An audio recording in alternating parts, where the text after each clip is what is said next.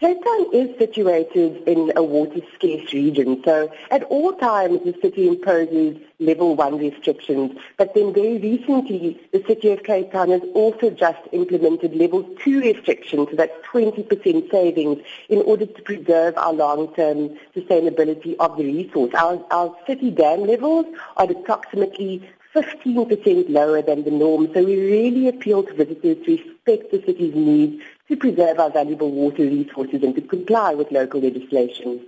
So level one water restrictions means a 10% water savings. That means that the City of Cape Town encourages a 10% water saving, where level two restrictions encourage 20% savings.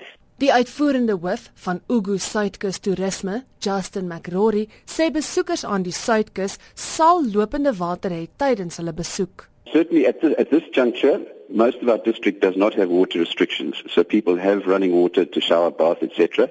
We are advising, obviously, that people perhaps drink bottled water because sometimes we have a certain salinity in, in, in that water. Um, so the tourism industry has gone helter-skelter. They're providing bottled water and, and, things like that for drinking purposes.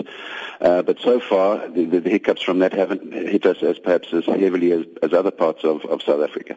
Beyond die verduidelik hoe besoekers aan Kaapstad water spaarsaam kan gebruik. If we just look at festive season, most of our visitors to Cape Town are domestic. So they are, of course, aware of water restrictions because it is impacting the whole of the country. Uh, we don't that it will impact visitors directly and rather residents.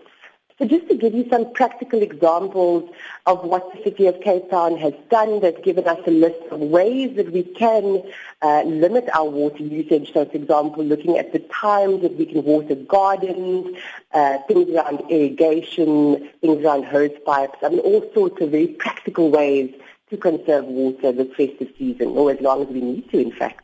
Dit was die kommunikasiebestuurder van Kaapstad Toerisme, Nicole Biondi. Dianke Nel SABC nuus.